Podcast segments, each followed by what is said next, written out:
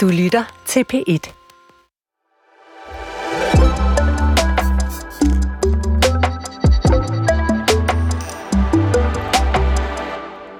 En gang var fremtiden noget med flyvende biler, onde robotter og rummad på tube. Nu kan enmandsdroner være din næste taxa, en velfærdsrobot, din gamle mors mest kærlige sosu. Og faktisk kan man godt sætte tænderne i en ribeye-bøf, der aldrig nogensinde har siddet på en ko. Fremtiden på P1 er nysgerrig på alt det her nye. På fremtidens byer, fremtidens sex, fremtidens rumrejse, fremtidens scenekunst. Ja, på alle de tanker, opfindelser og teknologier, der sætter rammen for verden i morgen og den om 100 år. Vi sender hver hverdag en sommer, sommeren igennem, og i dag der skal vi tale om fremtidens prævention. Vi har givet chatbotten ChatGPT den opgave at skrive et lille scenarie, som beskriver, hvordan vi mennesker måske bruger prævention om 100 år. I år 2123 har videnskaben revolutioneret præventionsmetoderne og løst udfordringerne med bivirkninger. Fremtidens prævention byder på en bred vifte af innovative løsninger. Et populært valg er nanobots, mikroskopiske robotter, der naturligt svæver rundt i kroppen og sikrer, at ægløsning og sædceller ikke mødes. Disse bots kan tilpasses individuelle behov og fjernes nemt og sikkert efter behov.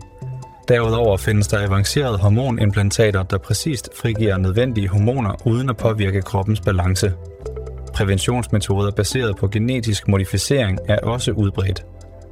Ved at redigere generne i reproduktive celler kan man midlertidigt slukke for frugtbarheden, hvilket giver fuld kontrol over fertiliteten.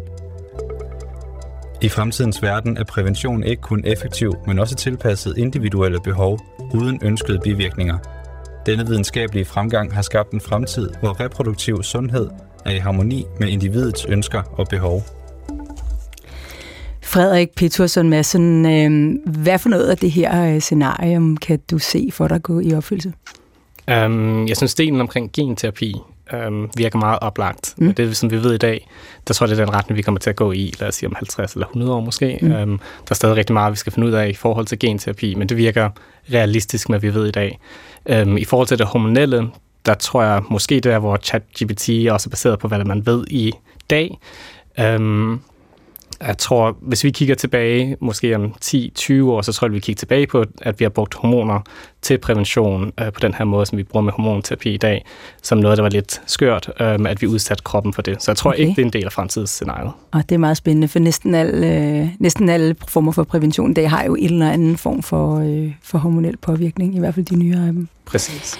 Hvad med det her med nanobots og robotter, der suser rundt i kroppen? Øh, kan du se det for dig om 100 år? Måske, måske. Ja. Um, det er svært at se, hvordan præcis det kommer til at fungere, men der er noget forskning inden for det her med nanorobotter, ja. så måske kunne det være, um, men det er ikke meget, ja, det er svært at sige.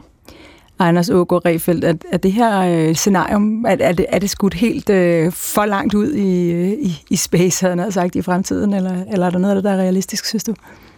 Altså, det vil jeg ikke. Jeg, jeg tror, at der, der findes mange andre løsninger, som er mere realistiske som, som? som bliver arbejdet på nu. Om altså blandt andet det, som, som Frederik arbejder på, og, og så mange af de projekter, inklusive mit eget, hvor man går ind og prøver at ramme øh, essentielle øh, molekylære maskiner i sædcellen og sætte den ud af spil, mm. som jeg tænker er, er meget lavere hængende frugter, end at få mm. robotter til at svømme rundt i kroppen og lave genterapi og så videre. Mm. Men altså, man ved aldrig, hvad der kommer til at ske. Men, men jeg tænker, det kommer før det her i hvert fald.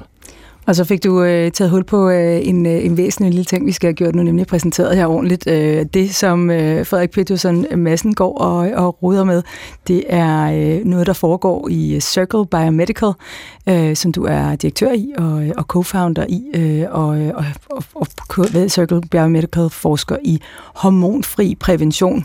Det er dog ikke dig, der forsker, har jeg lovet at, øh, at tilføje, fordi øh, du er øh, CBS'er, øh, men, men leder altså virksomheden. Hvorfor endte du så som CBS'er med at, at arbejde med, med en, en virksomhed, som forsker i hormonfri prævention? Jamen, det startede egentlig med min kæreste på det tidspunkt, der kom til mig og sagde, at hun ikke vil bruge p-piller længere på grund af de bivirkninger, hun oplevede. Øhm, jeg tror som mand, der var det noget, jeg aldrig var blevet eksponeret over, for jeg vidste ikke, hvilke bivirkninger der faktisk var. Øhm, men det tog ikke så lang tid for at, altså, at høre hendes oplevelse, hvor det gik op for mig, at jeg ikke vil bruge hormonel prævention.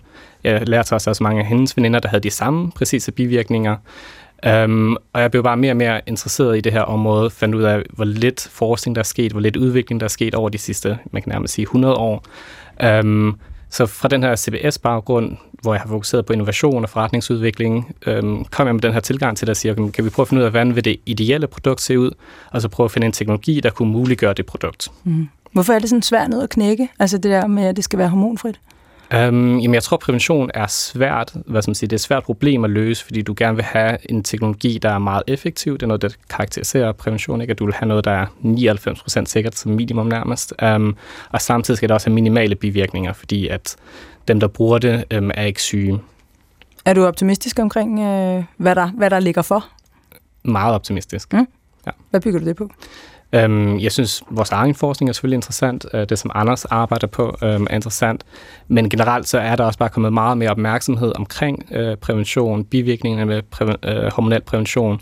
Så det er som om, der er en bølge, der begynder øhm, at rulle, mm. hvor jeg er sikker på, at der skal komme et eller flere produkter ud på markedet, mm. øhm, der kan gøre en forskel. Og Anders Ågaard Refeldt, hvad er det så, du øh, arbejder på som øh, læge og, øh, og forsker på øh, Rigshospitalet, og blandt andet altså som forsker i prævention til mænd? Ja, jamen, jeg, jeg arbejder, som du siger, på at lave en, et præventionsmiddel til mænd, og sådan som situationen er i dag i Danmark, der har du to muligheder som mand. Du kan bruge kondomer, eller du kan få lavet en sterilisering, hvor man går ned og skader sædlederen over. Mm. Og for mange vil det være en irreversibel procedure, som gør, at man ikke kan genvinde fertiliteten. Mm. Så det er jo ikke noget, man vil gøre som, som ung mand som regel noget, man gør, når man er senere i livet ikke vil have flere børn af en eller anden grund. Øh, så jeg prøver simpelthen at udvikle et eller andet nyt, som kan give mænd bare lidt flere muligheder. Øh, og det baserer sig, hvis man skal gøre det meget kort og præcist på, at man prøver at slukke for sædcellens funktioner, så den ikke kan finde gennem de kvindelige kønsveje, ikke kan finde frem til ægget og ikke kan befrugte ægget. Hvordan, gør, hvordan slukker man for det? Ja, men vi arbejder med nogle små molekyler, som kan gå ind og ramme øh, den her knap på sædcellen, vi gerne vil slukke for, og gå ind og påvirke den, så den, øh, så den ikke virker optimalt.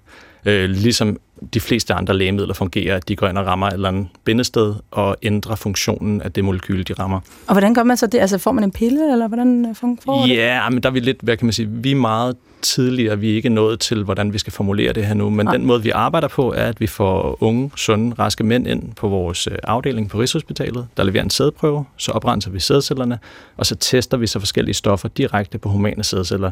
Så vi ved ligesom, de virker, på sædcellerne i reagensglasset, men hvordan vi får det over i kroppen, om det skal være en pille, eller det skal være en injektion, eller hvordan det skal ske, det, det er for tidligt at sige noget om endnu. Mm. Øh, vi arbejder ligesom på et, på et meget tidligere stadie, ja. desværre stadigvæk. Hvorfor er det så vigtigt at få udviklet øh, andre former for prævention til mænd? Jamen altså, lidt de samme argumenter, som, som Frederik siger, ikke? At, at i dag er der jo, der findes masser af præventionsløsninger til kvinder. Langt de fleste er hormonbaserede og har hormonelle bivirkninger. Øh, de, hvad kan man sige, de profiler, de her øh, præparater har, lever ikke op til det, brugerne ønsker i dag. I 60'erne, da, da p-pillen kom på markedet, var det jo en revolution, fordi kvinderne gik fra at have ingenting til at have noget, mm. og det ændrede deres, deres frihed og deres øh, seksuelle frigørelse, og har jo været skældsættende for vores samfund, mm. men nu er der lige gået 60 år plus, og situationen ser anderledes ud i dag, og de unge i dag, de, de vil ikke længere øh, hvad kan man sige, leve med de her bivirkninger. Og, og, og som Frederik også siger, det er jo unge, sunde, raske mennesker, som tager de her præparater for at undgå at blive gravide. Det er ikke folk, der er syge. Så derfor kan man ikke leve med bivirkningerne. Øh, man vil ikke have dem nu, og man vil heller ikke have noget, der potentielt kan skade en på længere sigt. Nej. Og vi har jo inden for de sidste 10 år set, øh, blandt andet fra Øjvind Lidegaards forskning fra Rigshospitalet, at der er desværre bivirkninger fra øh, hormonel øh, kontraception, primært fra p-piller, øh, som også kan være alvorlige. Øh, blandt andet blodpropper og selvmord og depressioner. Øh, og, og, og, og der må man sige, det er jo ikke, altså det er ikke det scenarie, vi vil have. Så Nej. der skal ske et eller andet i fremtiden. Ja. Der tror jeg også, ligesom Frederik, at vi skal gå efter noget, der ikke er hormonelt. Jeg kan godt øh, i dette lukkede studie øh, for min egen personlige oplevelse til med, øh, med hormonbaseret præ- prævention. Sidst jeg prøvede den slags, der øh, var jeg på det i to måneder, og i løbet af de to måneder lykkedes det min hud at regrediere til 14 års alderen, så jeg havde øh, meget store bumser hele bæret, og det var irriterende, for jeg var i 30'erne. Øh, til gengæld tog jeg 7 kilo på. Det gjorde heller ikke mit humør bedre. Og så udviklede jeg mig til en drage. Så da øh, gynekologen, der havde udskrevet den til mig, sagde, at øh, det nok var, fordi jeg spiste for meget og rørte mig for lidt, og ikke på grund af hormonerne, at jeg havde de her bivirkninger, så kom der en drage ud af munden på mig og skreg ham ind i hovedet. at øh, det havde aldeles ikke noget med sagen at gøre, nu måtte han venligst finde på en anden løsning. Og så øh, blev jeg enig med mig selv om, at det skulle jeg holde op med. Øh, og, og det troede jeg havde noget at gøre med, med mig, men jeg har jo så ved samtaler med, med mange andre kvinder fundet ud af, at det er slet ikke enestående, og, og det, det er faktisk en, øh, en virkning, man kan have. Øh, også hvor det bliver, øh, altså, har, bliver meget mere alvorligt, end, end at man bliver lidt hissig, eller har et grådanfald hver eneste dag, som jeg så også havde ja. en periode det gik heldigvis over igen. Øhm, hvis vi nu kigger på, hvad, hvad prævention egentlig skal bruges til, det er jo øh, at forhindre øh, graviditet på, øh, på, på tidspunkter, hvor vi ikke har lyst til at, at være gravide. Hvad er de mest øh, sikre former for, for prævention, øh, som vi har i dag? Øh, lad, mig, lad, mig, lad mig starte herovre, Frederik. Øhm, de sikreste metoder er dem, der er implantater. Ja. Øhm, så det er en spiral, om det er kover eller øh, hormonbaseret. øhm, derefter kommer nogle af de andre hormonelle metoder, så p-piller, mm. øhm, vaginal ring, øhm, og derefter kommer nogle af de non-hormonelle, øhm, som kondom, mm. øhm, sæddræbende creme og sådan noget. Mm. Mm. Øhm, men det bliver også differentieret mellem, hvad der er den sådan, teoretiske effektivitet og den faktiske. For eksempel med p-piller, der er det jo, hvis de bliver brugt korrekt, så er de 99,9 procent øh, effektive, men i faktisk brug er det måske 90 procent. Øh, Fordi man nogen glemmer at tage en, og ja, præcis. fejl 45, som man siger Anders Ågaard Riffel. Hvor, hvor langt er vi så egentlig? Nu siger du, I er ikke kommet dertil nu, hvor I har formuleret, det vil sige fundet ud af, hvordan man skal få, øh, få de her øh, stoffer ind i kroppen, der kan slukke for øh, sædcellens evne til at finde frem til, øh, til, til, til det, det, det modne æg. Hvor, hvor langt er I? Jamen, man, man kan se, på, på mandesiden, som jeg repræsenterer lidt i dag, der er der ikke nogen, der er tæt på at komme på markedet med noget ikke hormonelt. Nej. Der er en hormonbaseret løsning, lidt ligesom p-pillen, bare som en, en creme, som er i et klinisk fase 3-forsøg, det vil sige det okay. sidste slags øh, klinisk forsøg, før man kan komme på markedet. Det er altså gå ud, det, er, det bliver testet på mennesker. Ja, ja, lige præcis. Ja. I USA, og ja. det er den amerikanske sundhedsstyrelse, der styrer det. Øh, og det ser ud som om, at det, at det kommer til at, at, at virke, som det er, men det har bivirkninger, der minder om det, der er for p-piller øh, hos kvinder. Okay. Så spørgsmålet er, hvor mange der vil bruge det. Hvis altså, og, og hvad siger du, det er en creme, altså, og så smører manden det på hvad? På penis? Nej, nej, nej på skulderen. På skulderen? Ja. Du ikke på penis. Men øh, fordi så, man kan sige, så bliver det, så bliver det, det er så baseret på nogle gæstegener og testosteron, øh, derivater, som så bliver ført rundt i kroppen, og så hæmmer det hormonakserne på samme måde, som øh, p-pillerne hæmmer hormonakserne og, hos kvinden, og påvirker sædcelledannelsen, hvor hos kvinden, der påvirker det ægmodningen og ægløsningen. Ja. Og kender du forklaring på, at man vil putte det på en, altså i, i en, en cremeformular? Det lyder lidt usædvanligt. Hvorfor ikke bare en p-pille? Godt spørgsmål. Altså, jeg, jeg går ud fra, at det er noget med, at det bliver optaget bedre og nemmere, øh, men pas. Altså, jeg tror også, de har prøvet med piller. Men generelt set på mandesiden, jeg tror siden, at der kom p-piller til kvinder der i 1960, har man arbejdet på at lave en hormonbaseret løsning til mænd. Og af forskellige årsager er det simpelthen aldrig lykkedes. Øh, så jeg går næsten ud fra, at der er en grund til, at de nu formulerer det som en gel. Øh, men uanset hvad, er der stadigvæk bivirkninger. De minder mig om det, man ser hos kvinder, og der er også alvorlige bivirkninger, som øh, depressioner og selvmord i de kliniske forsøg, der har været. Og hvad med de bivirkninger, som, altså der er jo visse p-piller, som også har givet bivirkninger i form af øget forekomst af brystkræft og, og den slags. Er, er, ja. der, er der også den slags bivirkninger ved øh, Jamen, det, de her det kan man, så vidt jeg ved, ikke se på de her forsøg nu, fordi det handler om, at det har været et par hundrede mænd, ja. der har testet det. Ikke? Så man kan se, når det er 300 mænd, så når du måske at se en enkelt eller to, ja. der er depressiv. Man har desværre set nogen, der har begået selvmord, i nogle af de her øh, trials, altså meget, meget øh, tidlige forsøg, hvor at dem, der har lavet dem, har skrevet, at de har været i tvivl om, det har været på grund af forsøget, eller det har været ja. på grund af andre årsager. Det kan man ikke helt vide. Men man har jo slet ikke de samme data, som man har for p-pillebrug hos kvinder, hvor man i bare i de danske register kan se for altså, 10-100.000 af kvinders øh, brug, og så retrospektivt se, om de har de her alvorlige bivirkninger. Mm. Øh, så mange af de ting finder man nok først ud af, hvis det kommer på markedet og bliver brugt bredt. Øh, men min egen holdning og min egen hvad kan man sige, tanke er, at hormonbaserede løsninger hører fortiden til. Jeg ja. tror simpelthen ikke, det vil vinde indpas i et land som Danmark i hvert fald. Nej. Og det er, fordi vi er, vi, vi er lidt for dårlige til at anticipere, hvad, hvad, hvad for en virkning vil det have på det enkelte individ. Fordi så kan det virke på en masse og ikke have nogen problemer, og så er der nogen, der får alvorlige øh, bivirkninger af det. Jeg tror i hvert fald, at som mand i dag, altså hvorfor skulle du have lyst til at starte på en hormonbaseret løsning, som giver dig bivirkninger, når status quo i dag er, at du ikke behøver. Og det, og det kan lyde enormt, øh, hvad kan man sige, mandsjuvenistisk, at, at vi ikke gider at tage en del af kagen. Men, men jeg tror simpelthen ikke på det. Altså, og, og det er også derfor, at jeg selv arbejder med ikke-hormonbaserede løsninger, og det er derfor, de fleste inden for hvad kan man sige, den mandlige del også arbejder med ikke-homobaserede løsninger, og jeg mm. tror også, det er det samme, der gør sig gældende på kvindesiden, at langt de fleste kigger efter andre løsninger. Og der er heldigvis masser af andre løsninger, især på kvindesiden, som enten er på markedet i dag, eller tæt på at komme på markedet. Er der slet ikke nogen fordele ved, ved de hormonbaserede løsninger? Jo, jo, der er jo også gavnlige øh, effekter af at tage de her... Øh, Hvad for eksempel? Jamen, der er jo nogle kvinder, der får mindre blødning og mindre menstruationssmerter. Øh, og ja, der er også, så vidt jeg husker, en nedsat risiko for en form for kraft, og så er der så en øget risiko for nogle andre former mm. for kraft. Og så kan man sige, at det er jo en svær kalkyle at lave. Øh, men hormonerne er jo ikke, det er ikke, fordi hormonerne er onde, men når man går ind, når man giver hormoner, så går det ind og påvirker de naturlige hormonbalancer, og det ændrer bare, hvad kan man sige, det ændrer kroppen på godt eller ondt. Kunne du finde på at bruge hormonbaseret prævention? Det tror jeg ikke, nej. Kunne du? Nej. Kunne jeres øh, partner? Det vil jeg sige, det du sagde, din, din ville ja. ikke, øh, og, og derfor kom du i gang med det her. Men... Ja, altså vi har lavet vores egen research, så vi har, øh, hvad, vi har inkluderet mere end 2.500 øh, kvinder, og det vi kan se, der er omkring 50 procent bruger, når de bruger hormonel prævention, oplever ikke nogen bivirkninger, og de er super glade for det øhm, får alle fordelene ved hormonel øhm, prævention, men så er der omkring 50 procent, der oplever bivirkningen, ligesom du selv beskrev. Øhm, og det er utroligt øhm, ofte, man oplever det. Så jeg vil sige, det er 50-50, øhm, og der er mange, der hvad skal man sige, får det bedste ud af hormonel prævention.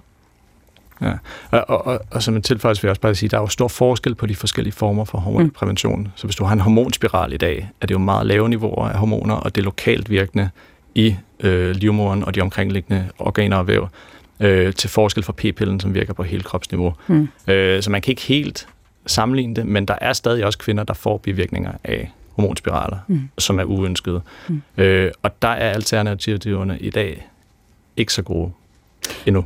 Så hvis vi ser, hvis vi, hvis vi ser på det udvalg, der er øh, i dag, hvis vi lige skal runde den øh, af, så kan man sige, hvis det skal være meget sikkert og hormonfrit øh, inden for, for kvindernes område, så vil du måske tro, at korsspiralen havde en, øh, en, en stor lang fremtid for sig. Og problemet med korsspiralen er så også, at den stadigvæk har bivirkninger. Der er mange, der får meget kraftige blødninger, og, og det, der jo også, altså, det er jo også stærkt generende. Så man mm. må sige, der er jo også noget bekvemmelighed over præventionsløsninger. Man vil gerne have noget, der er nemt, og som ikke giver nogen som helst former for bivirkninger. Ja. Og blødning er jo, er jo, hvad kan man sige, Øh, meget generende. Mm. Så, øh.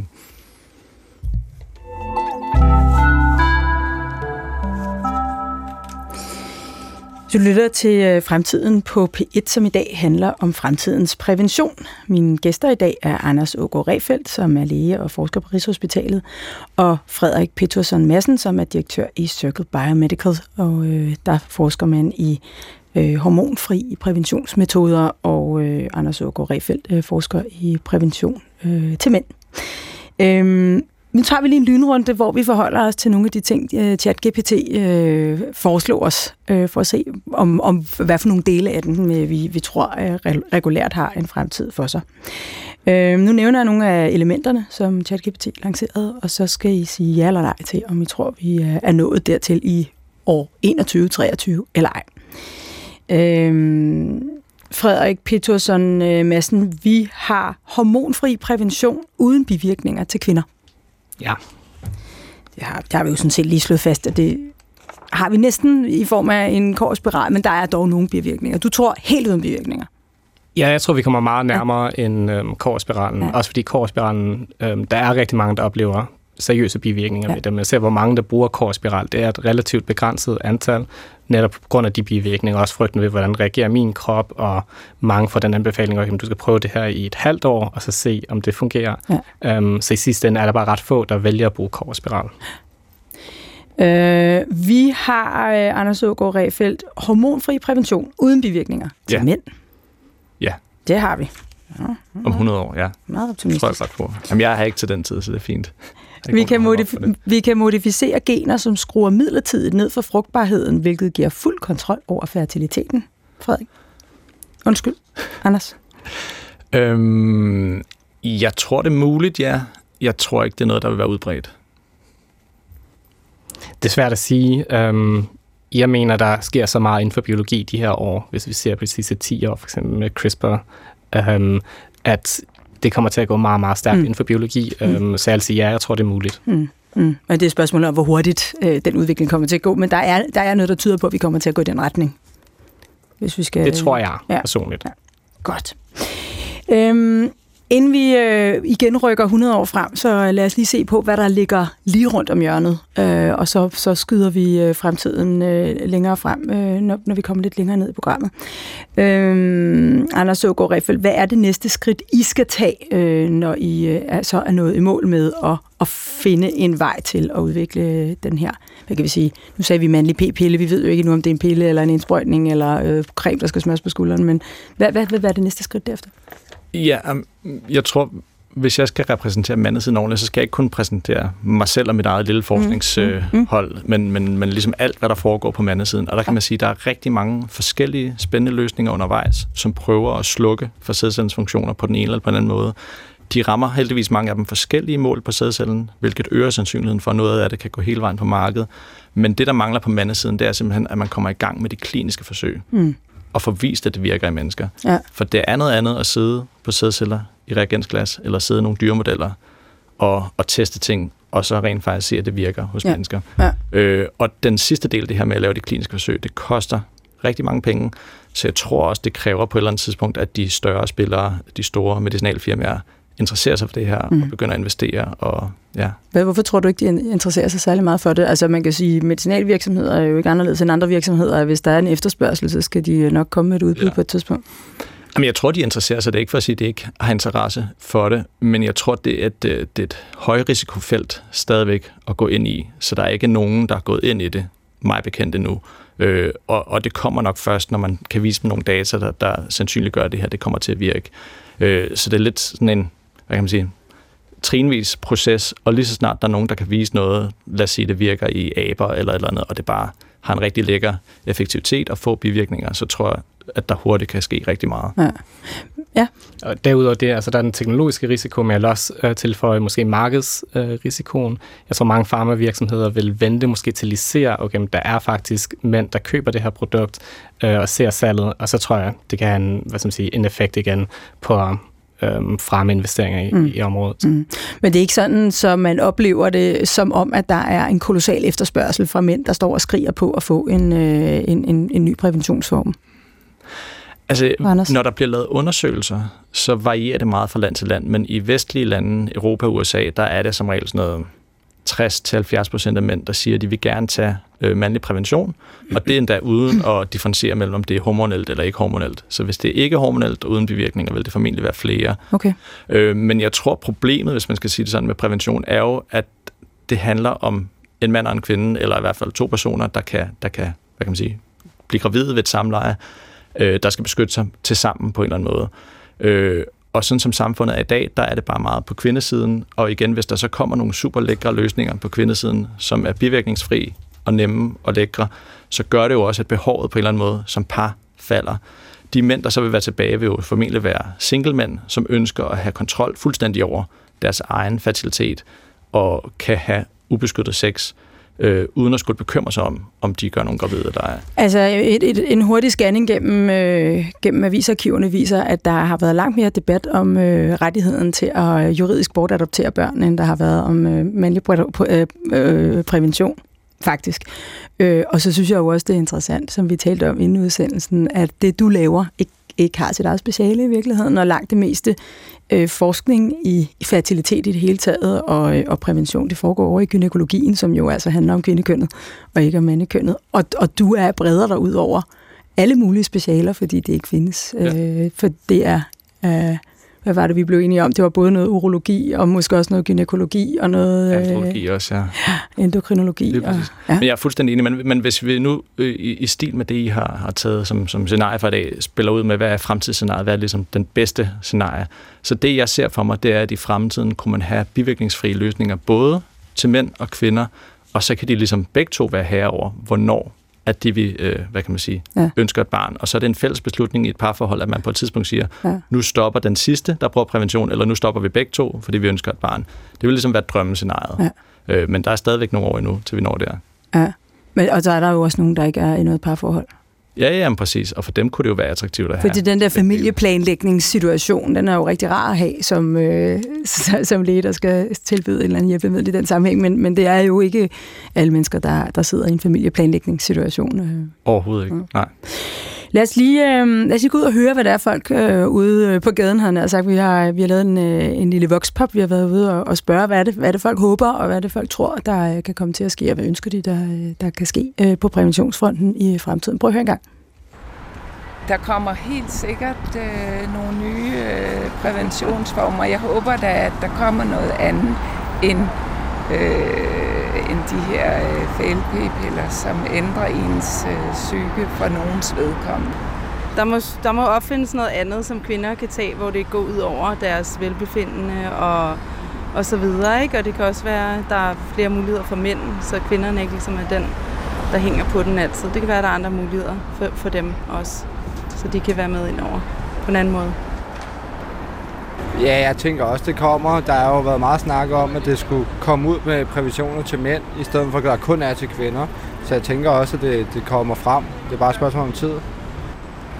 Hvis der skal udvikles mere og noget til mænd, så skal det være uden bivirkninger, for ellers så kører vi jo bare videre i den samme øh, bane, kan man sige. Det giver ikke mening. Så det skal være noget, som er, som er, som er godt og smertefrit, og, altså for begge køn. Ikke?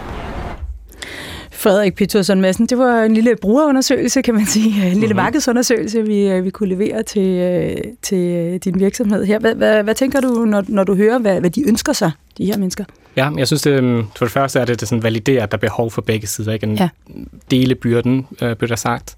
Øhm, det andet, som jeg også lægger mærke til, det er det her med de mentale bivirkninger, bliver der lagt vægt på i flere af de personer, der udtaler sig. Og det er også der, hvor vi har set et mm. skifte øhm, fra vi begyndte øh, med, eller jeg begyndte med selve ideen, der var der ikke nogen validering omkring de mentale bivirkninger. Altså når du snakkede med øh, brugere, så var der mange, der fortalte de her mentale bivirkninger.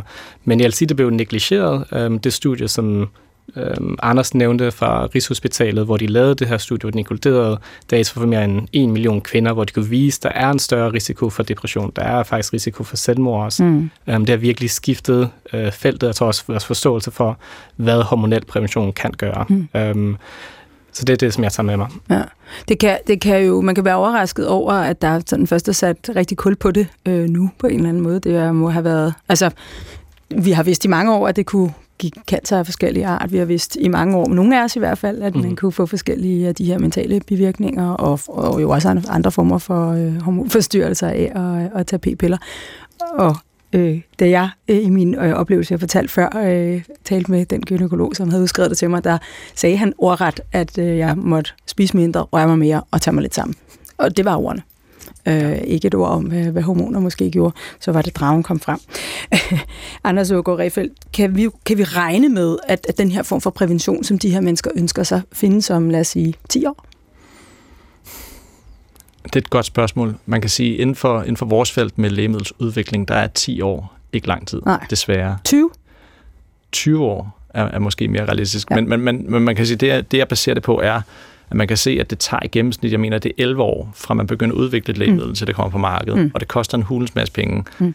Øh, vi har, som jeg sagde før, forskellige projekter på mandesiden under udvikling, lad os sige måske 20 plus, som rammer forskellige mål. Mm. Øh, så der er jo masser om budet. Øh, fundingmæssigt er vi ikke der, hvor der kommer kæmpe investeringer nu. Men når du siger det, det som, som, som sigter på at ramme det samme mål, er det alt sammen sigtet på at, at slukke for, øh, for, for evnen til, altså sædcellens evne til at finde... Øh, nej. nej, der er ligesom, hvis, hvis, hvis man skal dele det op øh, for manden, så er der to generelle løsninger. Den ene den handler om at gøre sædcellerne ufunktionelle, så de ikke øh, kan svømme hen og finde ægget, og den anden handler om at stoppe for sædcelledannelsen. Og de projekter, der undervejs, de ligger måske 50-50 i, i, i begge mm. øh, boldgader. Mm. Øh, de produkter, der kommer ud af det, vil også være meget forskellige, fordi sædcelledansen hos mænd tager cirka tre måneder, så dem, der slukker for sædcelledansen, vil være nogen, man skal tage på daglig basis, lidt ligesom p-piller, over en længere periode, mm. for at effekten ligesom træder ind. Og på samme måde, når man så ønsker at genvinde sin fertilitet, så skal man have en udviskningsperiode på omkring tre måneder, før man genvinder sin fertilitet igen. Hvor dem, der rammer sædcellen direkte, vil være nogen, du kan tage, bum, nogle timer før et samleje, så sædcellerne ufunktionelle, ja. og så på et eller andet tidspunkt, måske dagen efter, så genvinder sædcellerne deres funktion, men det er så for sent for dem, der er i de kvindelige kønsveje, fordi de vil for længst være slået ihjel af det sure miljø. Eller... Så det er en vildt øh, romantisk hverdag, den her mand han skal have. Han skal planlægge tre timer i forvejen, når der skal foregå ja, eller andet. Eller man, eller man kan sige, at der er i hvert fald der er plads til forskellige former for præventionsformer ja. til manden også, lidt ja. ligesom der er hos kvinden. Ja. Der er måske nogen, der ønsker øh, af forskellige årsager at have de her langtidsvirkende nogen, en, en spiral eller et implantat sådan så de slet ikke skal tænke på det, og ja. de bare ved, jeg bliver ikke gravid inden for de næste 5 eller 10 år. Og på samme måde kan der være mænd, der også ønsker, at, at det skal være sådan. Og så er der jo måske andre, der gerne vil have den her on-demand-løsning, fordi de gerne vil tage så få lægemidler ja. som muligt, eller Ja. Ved vi noget om, hvordan øh, målgruppen, altså mænd, har det med for eksempel, løsninger, der for eksempel hindrer sædcelledannelsen? Frederik, ved du, ved du noget om det fra? Um, jeg ved ikke så meget på mandesiden. Ja. Um, det, som vi har kigget en del på, det er selvfølgelig on-demand, uh, som ja. um, Anders også snakker om, for det er også den måde, vores produkt virker på. Um, og der kan vi se på kvindesiden, der er um, en del af markedet, der siger, jeg vil gerne have noget, der minder om en implantat, så det er ligesom, det er der, jeg skal ikke tænke over det, det fungerer bare. Um, men der er også måske faktisk størstedelen ønsker noget, hvor de bliver eksponeret så lidt som overhovedet muligt. Ja. Uh, lidt ligesom sådan en analogi til cykelhjelmen, at du mm. kun har cykelhjelmen på, når du har behov for den. Du ja. går ikke rundt med den. Høvdingenhjelmen uh, der. Ja. Hvad siger mænd til at få slukket for sædcelledannelsen? Det er et godt spørgsmål. Jeg ved faktisk ikke. Det har vi altså, undersøgt de, de undersøgelser, jeg kender til, der har man spurgt meget bredt. Der har man bare spurgt, vil du bruge prævention? Og man har ikke gået ind i, hvilken type det var, om det var hormonel, ikke hormonel osv. Så, så jeg ved det faktisk ikke, desværre. Jeg vil i alle, alle mine fordomme ved at undlade at sætte mine pensionspenge på noget, der slukker for noget som helst hos mænd. Det tror jeg ikke, de vil være med til. Øhm, skal vi ikke lige prøve at få beskrevet den helt ideelle form for prævention? Hvis, altså, hvis nu, vi, vi, altså, nu sætter vi os lige i, øh, hvad vi forestiller os er helt almindelige mennesker, der skal bruge prævention sted. Det kunne være jeg selv. Hvad er den helt ideelle øh, prævention? Hvad for nogle checklister skal vi have op? Ja, øhm, ja, jeg kan starte. Vi har lavet en, altså det er hele udgangspunktet med vores virksomhed har været at sige, okay, men hvad er det ideelle præventionsprodukt? Prøv at gå, tage det. Um, så det første, jeg vil sige, det er selvfølgelig forskellige kvinder, forskellige mænd, forskellige behov, også ja, ja. igennem hvad som siger, ens øh, reput reproduktive liv er der forskellige faser, hvor man har behov for forskellige ting. Um, men der er sådan nogle overordnede sandheder, jeg vil sige, um, som vi har fundet ud af. Um, det første, det er, at det, der karakteriserer prævention, det er, at det er virkelig noget, du skal stole på. At det skal være utrolig effektivt. Um, og det gør det anderledes end andre mm, medicinale områder, lad os sige for eksempel onkologi, hvor du måske kan være tilfreds med at få øget et, for et, et øh, år mere øhm, tilføjet. Øhm, det andet, det er bivirkningerne, som vi har snakket om. Ja. Igen, at øhm, dem, der bruger det her, er ikke syge, øhm, der gør bivirkningerne uacceptable. Og så det sidste, det er, at brugeroplevelsen er ekstremt vigtig. Øhm, for det er noget, altså det er en intimt øjeblik. Øhm, du ønsker ikke noget, der er i vejen, eller du skal stoppe og gøre noget. Um, så man skal kombinere de her tre ting. Så man gider ikke at stoppe op og skulle til at pille ved øh, et kondom. Man gider heller ikke rigtig at skulle planlægge det tre timer i forvejen. Ja, eller øh, måske det, den oplevelse eller følelse, ja. det giver, at det er besværligt at bruge. Ja. Um, det er utrolig vigtigt. Det skal, det skal ikke være opmærksomhedskrævende. Præcis, ja. det skal bare være. Så ingen, ingen bivirkninger, øh, nem i anvendelse, og, og man skal kunne stole på det. Har du noget til for?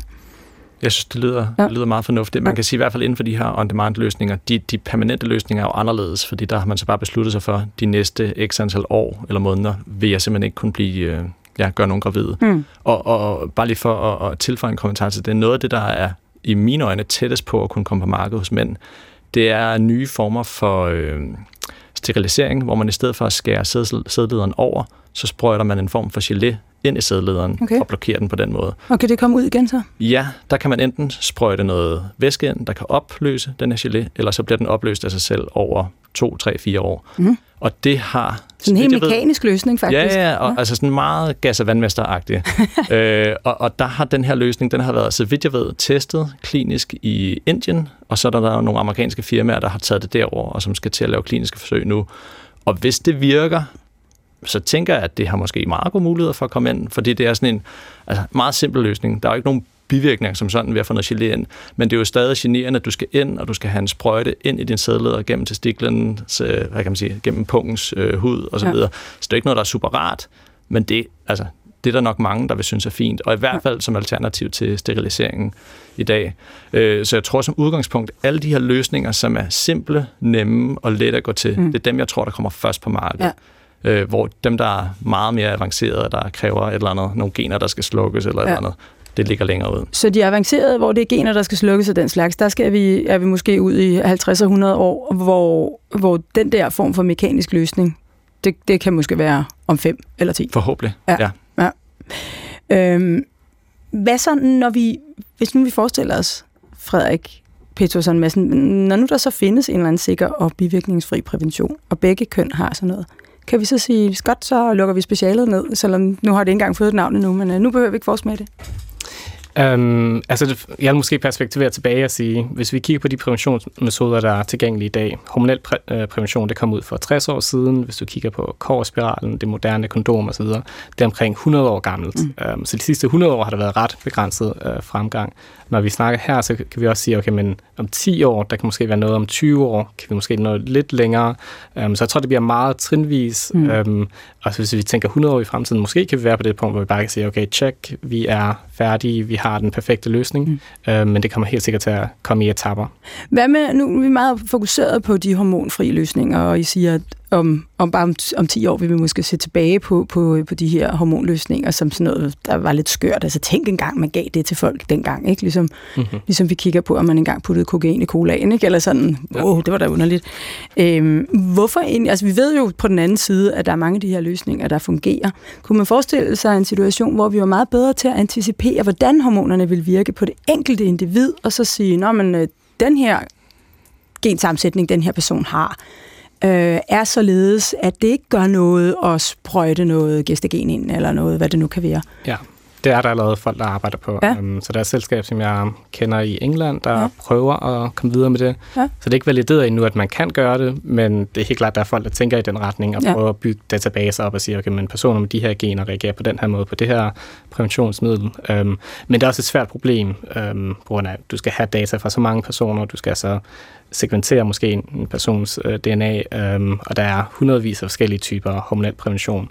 Så at matche alt det her sammen kan godt blive lidt kompliceret, øhm, ja. men det er helt klart øhm, og kræver, nogle af, og kræver nogle af de computere, som er på vej nu med noget øh, meget voldsom regnekraft, sådan så øh, man kan overskue utrolige mængder af, af data. Men, men er det et scenarie, du kan, du kan se for dig, øh, Anders Refø? Altså, ved ikke, jeg tror, hvad kan man sige, forskningsmæssigt tror jeg, det er en, en, en valid ting at sidde og arbejde med, men jeg tror mere på, at der kommer nogle løsninger ud på markedet hos kvinder eller hos mm. mænd, som vil disrupte, for at bruge et nyt dansk ord, ja. det her, og som simpelthen vil gøre, at der er ingen, der gider at bruge de gamle hormonløsninger. For ja. hvorfor skulle de? Ja. Øh, og jeg tror i hvert fald på kvindesiden, at det er meget realistisk, fordi der er nogle rigtig fede ting på vej. Både det, som Frederik arbejder med, og der er andre, også vaginalbaserede on-demand-løsninger. Og der er også et, et, et firma i USA, der nu har en form for øh, moderne pessar, øh, man skal bruge en gang om måneden, øh, som skal ind i, i klinisk forsøg øh, senere i år. Mm. Øh, og hvis de fungerer godt, så kan man ikke se, at der, at der er behov for det andet her. Mm. Måske lige øh, med den ene undtagelse af, at der kan være øh, behov for hormonspiraler, måske i moderne udgaver, som giver endnu lavere hormoner, endnu mere lo- lokalt virkende. For det synes jeg på en eller anden måde er lidt en, en kategori for sig selv. Man kan mm. ikke putte det i samme pose som p-pillerne. Frederik, nu refererer vi hele tiden til det i, uh, produkt, I, uh, I arbejder på, og du nævnte det kort tidligere. Kan du lige opsummere, hvad er det præcis for et produkt? Um, jeg skal prøve at gøre det kort. Mm. Um, det er en gel, um, som appliceres vaginalt. Uh, inde i gelen er der en molekyl, der interagerer med den slim, der er i livmoderhalsen, og forstærker den naturlige barriere, som den slim udgør. Mm. Um, så selve ideen der, man kan sige, at... Lidt gennem, som minipille. Ja, præcis. Ja. Um, bare uden hormoner, det er sådan ja. en... Um, topical treatment. Ja, så og når det er slimhinden, der skal påvirkes, så er det selvfølgelig fordi, at hvis slimhinden ikke har en bestemt konsistens, så kan øh, det befrugtede æg ikke sætte sig fast der, og så vil det bare falde ud, så at sige.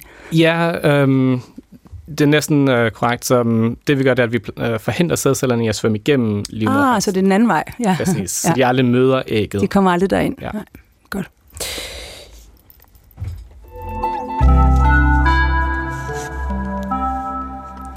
Ja, vi øh, taler om fremtidens prævention øh, her i fremtiden øh, på P1 i dag.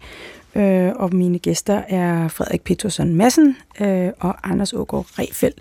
Og øh, hos øh, Frederik Petersen Massens øh, virksomhed, øh, der forsker de i øh, den her øh, nye præventionsform, som vi lige har hørt opsummeret. En, en gel, som øh, er til kvinder, øh, men som er hormonfri og forhindrer sædcellen i at at svømme ind og befrugte et æg. Og øh, hos Anders Refeldt, som er læge og forsker på Rigshospitalet, ja, der står øh, forskningsmenuen på en præventionsform øh, til mænd. Også hormonfri, øh, helst i hvert fald. Øhm, det der scenarium, vi fik øh, chatbotten ChatGPT til at skrive til os til at starte med, som, som var meget spacey, og, og som tog udgangspunkt i nanobotter og øh, små, bitte små robotter, der svømmede rundt i os og, og kunne tænde og slukke for evnen til at reproducere og sådan noget. Det kunne vi godt tænke os at, at få gjort lidt mere præcist i forhold til det, vi øh, taler om her. Altså hvad I kan se, at der øh, arbejdes på lige nu, og de veje, som vi er på vej øh, ned af øh, forskningsmæssigt og udviklingsmæssigt øh, lige nu. Vi vil stadigvæk godt fastholde den der dato, der hedder øh, 2123. Så, så hvis vi nu forestiller os, at vi skal give ChatGPT en lidt mere øh, præcist formuleret opgave, så skal vi have nogle ord og nogle nøglebegreber og måske endda nogle, øh, nogle krav, øh, som vi kan stille til ChatGPT, fødet ind i den. Øh, og så, øh, så, så får vi lige øh, mine kollegaer herude bag, bagved til at, og, øh, og føde det ind i ChatGPT. Så hvad, hvad, hvad mangler vi, eller hvad skal vi have, have præciseret øh, i det scenarium? Anders Refeldt? Ja, man, man kan sige, den, den gik jo helt forbi mit speciale, som er sædcellefunktion. Ja. Og der synes jeg, det er oplagt at sige, at, at, at, at øh, den skal tænke over, at den skal gøre sædcellerne ufunktionsdygtige. Øh, det kunne i hvert fald være, være en, en start at have den med os. Ja, og det er der forskellige veje til, som du, øh, som du var inde på. masser af veje til. Ja. Man kan sige, at sædcellen er, er afhængig af enormt mange forskellige molekylære maskiner, ja. og hvis man bare slår en af dem i stykker, så mister den sin, sin funktion, fordi sædcellen er en lidt speciel celle, der har pakket sit øh, DNA enormt tæt for at blive så lille som muligt, og for at kunne svømme hele vejen hen til ægget. Ja. Så den kan simpelthen ikke udtrykke nogen gener. Så hvis man ødelægger en, øh, et protein i sædcellen, så er det bare ærgerligt for sædcellen. Så kan den ikke gøre noget. Hvor en normal celle, man kan sige en muskelcelle, hvis du går ind og, og fjerner en receptor der, så kan den sige i princippet, oh, nu mangler jeg den her, jeg laver det bare igen. Så ja. går der nogle timer til dage så kommer det tilbage. Så på ja. den måde er det sådan lidt særligt. Ja. Den måde. ja. Og, det, og, det er, og det er så også det, der, der repræsenterer det problem, du talte om, at det kan man godt slå ihjel, men, men de næste, der kommer, de er, de, de er så funktionsdygtige, og dem, der var der lige før, de er det også. Så hvis, øh, hvis de er produceret før, man, øh, man, man udsat Lige præcis. Og det er jo faktisk det, så... det smukke i, hvad kan man sige, den måde kroppen danner sædcellen på, ja. at man genvinder sin fertilitet, i hvert fald med de her on-demand-løsninger, x antal timer efter det her stof er ude, fordi ja. de sædceller, der så kommer der, de har ikke set det her lægemiddel og, ja. og burde kunne ja. frugte det æg igen. Så det er en momentan infertilitet, ja. man skaber øh, med, med de her øh, typer. Og så tænker jeg også en anden ting, i hvert fald på mandesiden, og det er, at vi har jo set, at, at fertiliteten hos mænd, eller sædkvaliteten hos mænd, har været kraftigt dalende i den vestlige verden igennem ja. 50 år. Det er ja. næsten et 50% fald i sædkvalitet, eller sæd, øh, antal sædceller i en sædprøve. Øh, så derfor så skal de her præventionsløsninger, der kommer i hvert fald på mandesiden, ikke være noget, der påvirker ja. fertiliteten negativt. Ja, altså man kan sige, det er lige ved, at, øh, at de miljøpåvirkninger, der foregår lige nu, øh, eventuelt kommer til at løse problemet på en måde, som skaber nogle ganske andre, som, som vi så må lave et meget langt program om til den tid. Ja. Øh, Frederik Petersen Madsen, hvad vil du gerne have, have fået til øh, i, i vores chat-GPT-scenarium? For det første synes jeg, at det var super at få præciseret. Jeg synes, den kom meget med det her udgangspunkt med, at vi skal finde et præventionsmiddel til kvinder. Mm. Um, um, men hvis vi fokuserer så på kvindesiden nu, så vil jeg sige, måske man kan udvælge at sige, okay, vi vil gerne fokusere på gen-terapi-delen, um, og så måske prøve at spørge den omkring, hvad er det for nogle grundsten, der skal lægges uh, i de næste par år, for at vi kan komme tættere imod den her løsning, der er den hjælper, hvor du bare slukker for et gen, og så kan du ikke blive gravid længere. Okay, så, så det er simpelthen det, man skal bede, øh, altså man, man skal finde en genterapi, der bare lige kan slukke midlertidigt for et gen, og så skal det kunne tændes igen, når øh, man, det man skal være, For eksempel, man kunne sige lidt det samme, som vi gør, at hvis der er et gen, du kan slukke for, ja. um, at um, um, slimen i livmoderhalsen ikke er venlig over for sædceller, ja. um, så kunne man måske have den løsning, øhm, og så kunne man måske slå det tilbage igen, og så blive øh, naturlig fertil. Ja. Og, og, og kan, man, kan man arbejde så præcist med genterapi i dag? Det tror jeg, men det er ikke, det er ikke mit speciale, Nej. så jeg vil helst ikke rydde mig for langt ud i det. Nej, nej.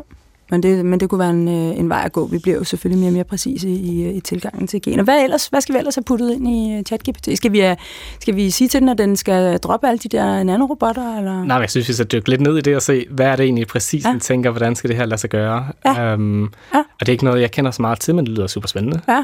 Hvad, ja. hvad handler det om? Hvordan, øh, hvad, ja. hvad har den tænkt sig, at de nanorobotter skal foretage sig ind i kroppen? Præcis. Ja. Um, hvordan udformes de, og hvordan, hvor ja. skal de hen? Men det beder vi den om at, at, at redegøre for hvis det skal være her. Øhm, andet? Mangler vi noget?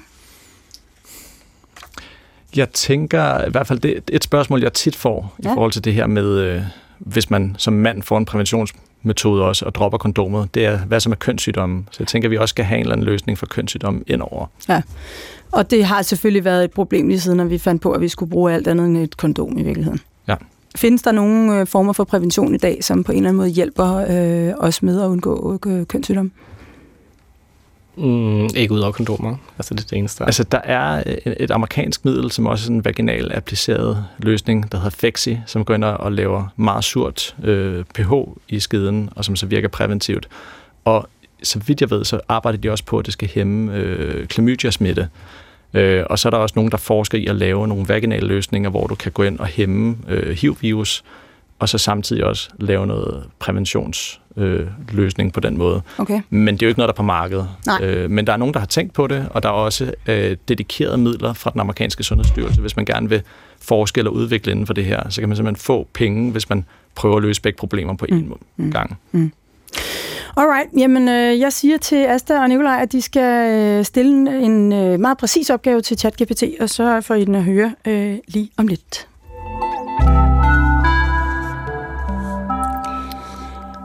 I dag taler vi her i fremtiden på P1 om øh, prævention, fremtidens prævention, og vi har været igennem øh, alskens former. Øh, vi er meget fokuseret på, at det skal være en hormonfri prævention, fordi øh, hormonbaseret prævention er, øh, har en masse bivirkninger og udgør en, en risiko for mental sygdom, øh, som det værste, men også for, øh, for, for visse øh, mere fysisk baserede sygdomme. Øh, mine gæster er Anders Ågaard Refeldt, som er læge og forsker på Rigshospitalet og arbejder på at udvikle en, øh, eller forsker på øh, at udvikle øh, en præventionsform til mænd. Og øh, Frederik Peterson Madsen, som er direktør i Circle Biomedical, som er forsker i også hormonfri øh, prævention til kvinder. Et øh, konkret produkt, som er en gel, der øh, applikeres i øh, kvindens skede og, øh, og gør en forskel for slimhinden, og således at, øh, at den ikke er så venligt tændet over for eventuelle sædceller i miljøet. Øh, nu spoler vi lige øh, nu spoler vi langt frem. Nu skal vi, nu skal vi tale øh, den fjerne fremtid, 100 år frem. Øh, nu har vi det her kærestepar, lad os kalde dem øh, Lise og Nils, og de vil godt have styr på øh, præventionen nu. Så øh, tror du, øh, Anders Ågaard Refeldt, tror du stadig, de går til lægen og beder om hjælp? Et godt spørgsmål. Jeg, jeg tror ikke, de behøver det, fordi man kan sige, sådan nogle løsninger, som for eksempel det Frederik arbejder med, som kan appliceres vaginalt og bliver karakteriseret som en, en, en, en topisk behandling af det, så lidt ligesom en creme. Det er jo ikke noget, du behøver få recept for. Så der kan man forhåbentlig bare gå ned i 7-Eleven og bare sige, jeg skal bruge en af de der, mm. Og, øh, og så er det løst. Det lyder del med smart. Hvornår kan man øh, gå i 7-Eleven og få den fra? Um, det skal vi se. Vi er stadig i præklinisk udvikling, så det vil sige, at vi laver dyreforsøg, mm. um, men vi er sen præklinisk. Mm. Håber, vi kunne gå i, I, um, i fase 1. forsøg, ja, ja. Præcis, om et par år. Om et par år. Og så går der, hvad, fem, seks derefter? Ja, fem år. Ja, før I har, er færdige med, med tredje fase, og eventuelt kan få en tilladelse til at, Præcis. at, at lægge det ned i 7-Eleven.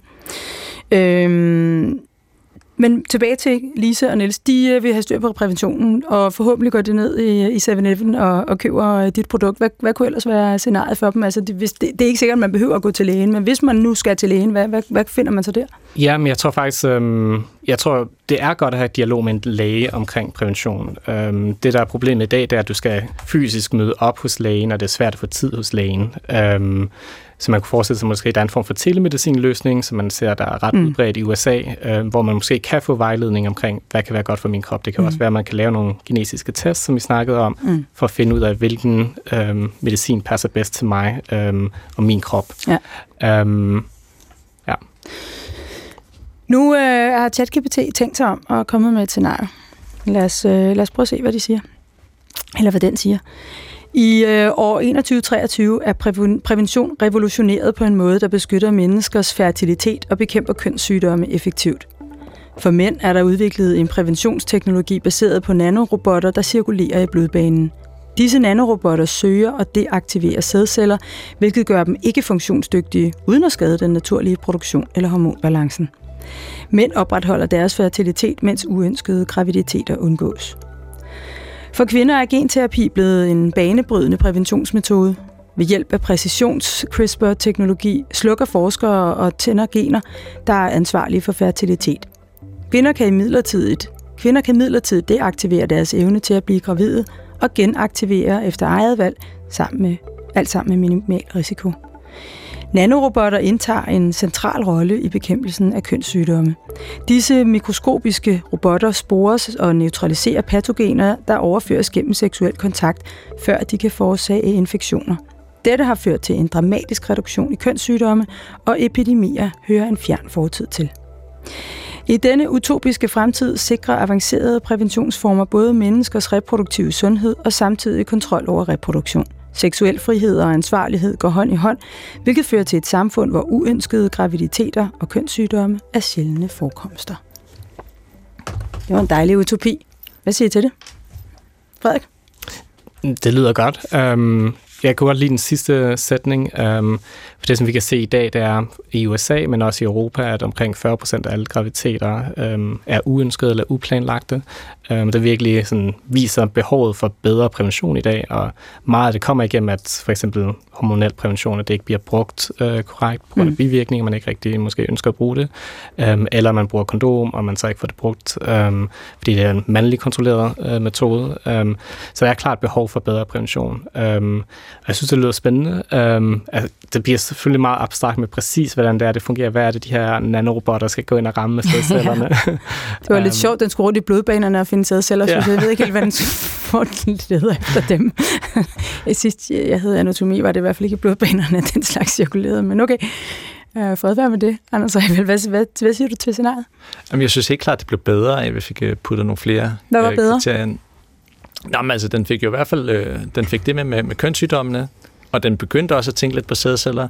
Jeg vil gerne sige, at jeg tror, at det er mere lærliggende, at vi bruger nogle, øh, nogle lægemidler til at gøre sædcellerne ufunktionelle end nanobots. Men altså, fred være med det. Mm. Det er fint at tænke lidt ud af boksen, når man mm. skal 100 år frem. Ja. Øh, men jeg er enig med Frederik i, at, at, det, at det smukke var det her, ligesom at den, at den i talsætter, at det vi har i dag er ikke ok. Vi har brug for, at der kommer noget på markedet, der tilfredsstiller både mænds og kvinders behov, som ikke uh, giver dem bivirkninger, som ikke skader dem på længere sigt, mm. og som ligesom opfylder de her drømme, vi har. Og, og jeg synes det er egentlig det vigtigste at tage med sig, det er, at, at som forsker, eller som en, der er et, et, et tidligt firma, at vi skal kunne drømme og tænke, altså, hvad er det ideelle situation, i stedet for bare at sige, at vi skal lave noget, der er lidt bedre end det, der er i dag. Ja. Og det, og, og det er det, I gør nu. Altså, I, I drømmer simpelthen om at, at lave et helt nyt øh, paradigme for, øh, for prævention, så at sige. Er, er, det, er det, altså det nye paradigme, er det simpelthen øh, ved det, at det er hormonfrit? Det er det i høj grad, mm. øhm, fordi der er omkring 50 procent, der siger, at jeg ønsker ikke at bruge hormonel prævention, men måske bruger man det i dag, fordi der ikke er et bedre alternativ, mm. øhm, eller bare utilfreds med det non-hormonelle alternativ, der faktisk er på markedet. Mm. Øhm, så det, det vil være et paradigmeskift at kunne have et effektivt øhm, præventionsmiddel uden hormoner med minimale bivirkninger, øhm, der effektivt og giver en god brugeroplevelse. Det vil mm. være et paradigmeskifte. Ja. Hvad, hvad, hvad, hvad, hvad, kan du, øh, hvad kan du drømme om, at vi, øh, at vi opnår?